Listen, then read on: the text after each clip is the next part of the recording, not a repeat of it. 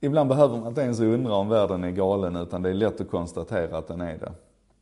Exempelvis, när ett företag som heter eh, som heter Long Island Ice Tea Corporation döper om sig till Long Blockchain Corporation och aktien stiger 500%. Alltså ett företag som tillverkar eh, drinkmix, sånt här eh, iste-mix för att kunna göra det här spetsade isteet som heter Long Island Ice Tea. Helt plötsligt ska de satsa på blockkedjan och småspararna hoppar på, aktien sticker.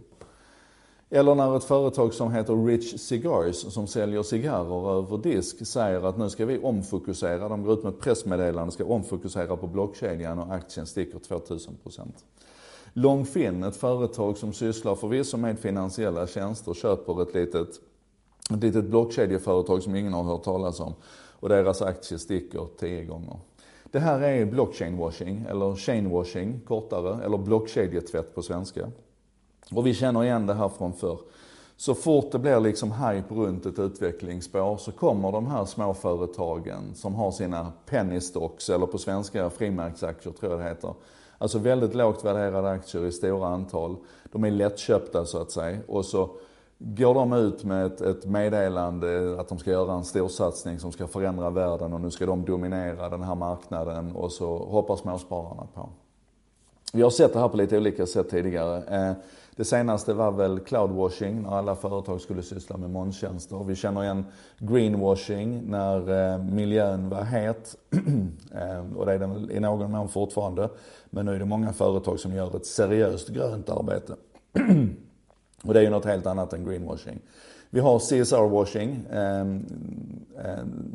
Corporate Social Responsibility, alltså socialt ansvarstagande som man smetade på sin, sitt dåliga företag för att det skulle se bättre ut. Och inte minst så kommer vi kanske ihåg online eller dotcom washing som vi hade runt millennieskiftet. Och här är vi då inne på det som gör mig så ledsen, när småsparare förlorar sina surt sparade pengar för att de, de tror att de ska kunna bli rika snabbt. Vi kommer ihåg runt millennieskiftet när vi hade Spray och, och Bredbandsbolaget och inte minst Icon Media Lab och Johan Ståhl von Holsteins alla bolag som målade världen i rosa skimmer och Let's Buy It och, och allt vad det nu var. Och så gick man in med sina pengar där och så förlorade man alltihopa för man hade inte förstått att det var liksom, att det var en bubbla.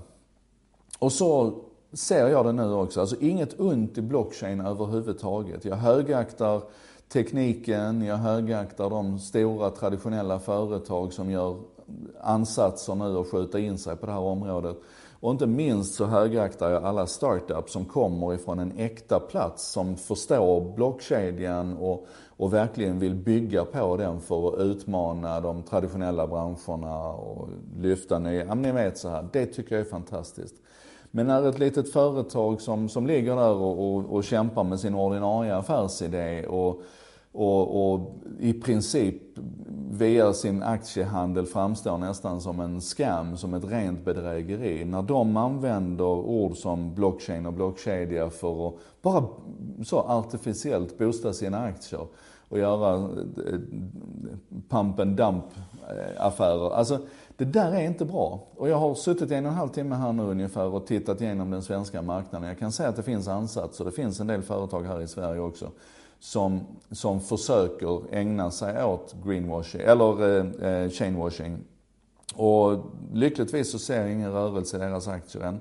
Och jag hoppas verkligen att jag ska slippa se det också. Så att uppmaningen här det är helt enkelt att ja, skin in the game, var beredd att investera, alltid med pengar som du är beredd att förlora. Men snälla, gör det då på rätt ställe. Gör det med huvudet påskruvat, huvudet påskruvat och, och se upp för de här eh, fake-företagen vill jag faktiskt kalla dem. Ehm, men det var det om det. Ehm, nu tänker jag ta lite julledigt. Eh, så att eh, juldagen och annandag jul, måndag, tisdag, så blir det ingen ensak idag. Men då kan jag tycka att du kanske kan titta ikapp de gamla lite grann. För många har ju hoppat på sent här och även om de bygger på aktualiteter hela vägen tillbaka till avsnitt 1 i, i juli så är de nog lite så här fortfarande evergreen. De är fortfarande aktuella de flesta av dem. Och om du går in och börjar diskutera så lovar jag att hänga på den diskussionen så att vi kan prata tillsammans. Eh, du hittar dem på jardenberg.se en sak idag. Där finns länkar till var alla inläggen finns någonstans och så hur du kan lyssna på dem. Och som vanligt så blir jag jätteglad om du hänger på podden också. Prenumerera gärna på den. Jag hör fantastiska berättelser om hur folk sitter och lyssnar på det varje dag på väg till jobb eller hur de lyssnar på en sak idag medan de står och mekar sig på morgonen och sådär. Jag tycker det är jätteroligt. Um, och ja, nu har jag ingen tomteluva, jag har inga bjällror, jag har inte ens någon glögg på bordet. Men jag kan väl ändå få säga och, och, önska er och tacka så hemskt mycket för den tid som har varit att eh, nu tycker jag att ni ska ha en riktigt rackarns jäkla god jul. Och så ses vi på eh, onsdag den, eh, vad blir det då, den 27, va? 27 december. Tack och hej!